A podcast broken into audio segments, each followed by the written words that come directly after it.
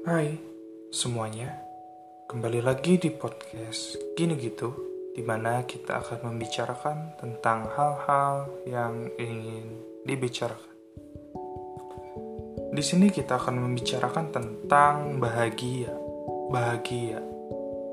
Apa sih bahagia menurut kamu? Ya, bahagia menyimpan banyak makna. Aku sendiri pun tak tahu makna bahagia itu apa.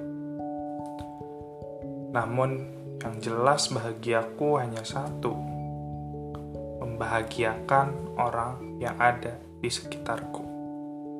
Kemudian, apakah bahagia hanya tentang itu? Tentu tidak.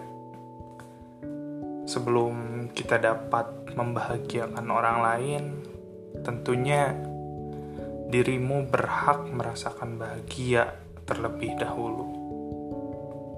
Ya, bagaimana bisa kamu membahagiakan orang lain, tapi dirimu pun belum bahagia?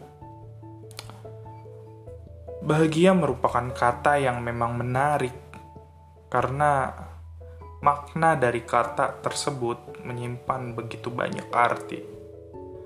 Namun, untuk berbahagia itu tidaklah sesulit itu.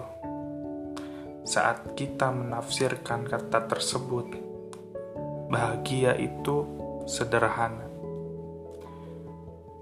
Mempunyai keluarga dan sahabat yang selalu mendukung kamu bisa jadi merupakan anugerah paling indah yang ada di hidupmu. Kemudian, menjadi diri sendiri dan menjadi apa yang kamu mau itu merupakan bahagia yang tak ternilai harganya. Itu bahagia menurutku.